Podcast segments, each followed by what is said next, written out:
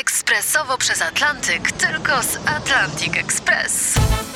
Z nami wyślesz co chcesz, kiedy chcesz, do kogo chcesz i to o 40% taniej. W Atlantic Express wysyłamy wszystko. 1 800 775 7363. Mienie przesiedleńcze, kontenery, paczki do Europy.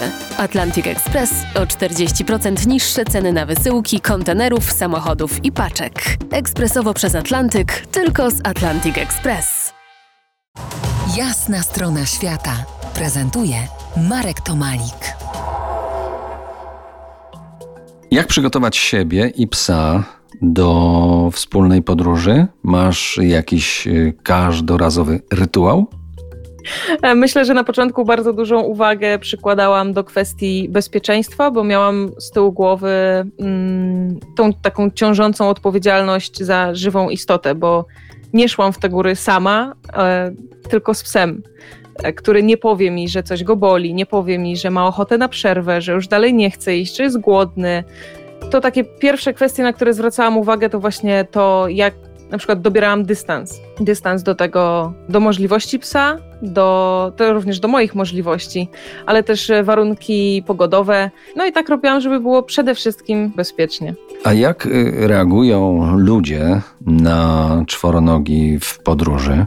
Wydaje mi się, że dużo bardziej pozytywnie niż y, wydaje się osobom, które z psami nie podróżują. Ja przez 8 lat podróżowania praktycznie nie miałam mm, żadnego problemu e, z tym, że gdzieś weszłam z psem, gdzieś chciałam wejść z psem.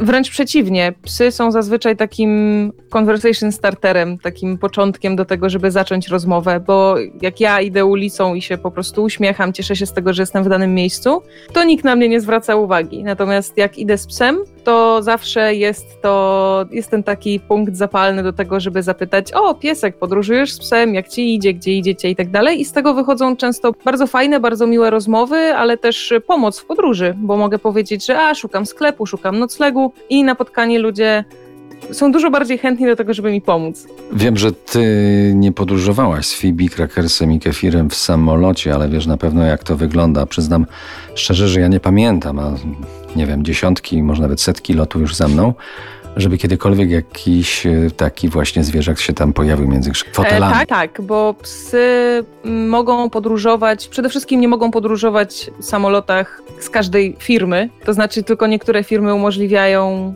lot z psem, a jeśli już umożliwiają, to są bardzo surowe, jeśli chodzi o gabaryty psa, którego możemy wziąć na pokład, a większe psy, większe zwierzęta zazwyczaj umieszczane są pod pokładem. Może to z chmury wejdźmy w te twoje podróże z psiakami w góry, e, bo wybierasz raczej góry. Wydaje się to oczywistym wyborem, bo mają tam spory zapas dzikości serca, ale nie wszędzie na szlak można wejść z psem.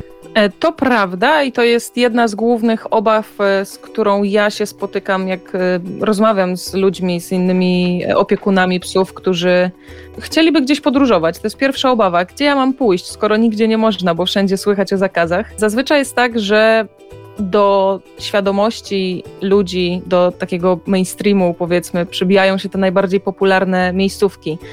A tam, gdzie są ludzie, tam zawsze będą nakazy i zakazy i regulaminy po to, żeby tych ludzi jakkolwiek trzymać w ryzach. Tego też mnie nauczyły podróże z psami, żeby wyjść trochę poza ten już utarty, przygotowany przez kogoś szlak i poszukać alternatyw. Czasem wystarczy odejść kilometr albo dwa od jakiejś popularnej miejscówki, popularnej atrakcji i tam też są piękne góry, piękne lasy, a są za darmo i są całkowicie dostępne e, dla psów. To jest jasna strona świata w RMS Classic.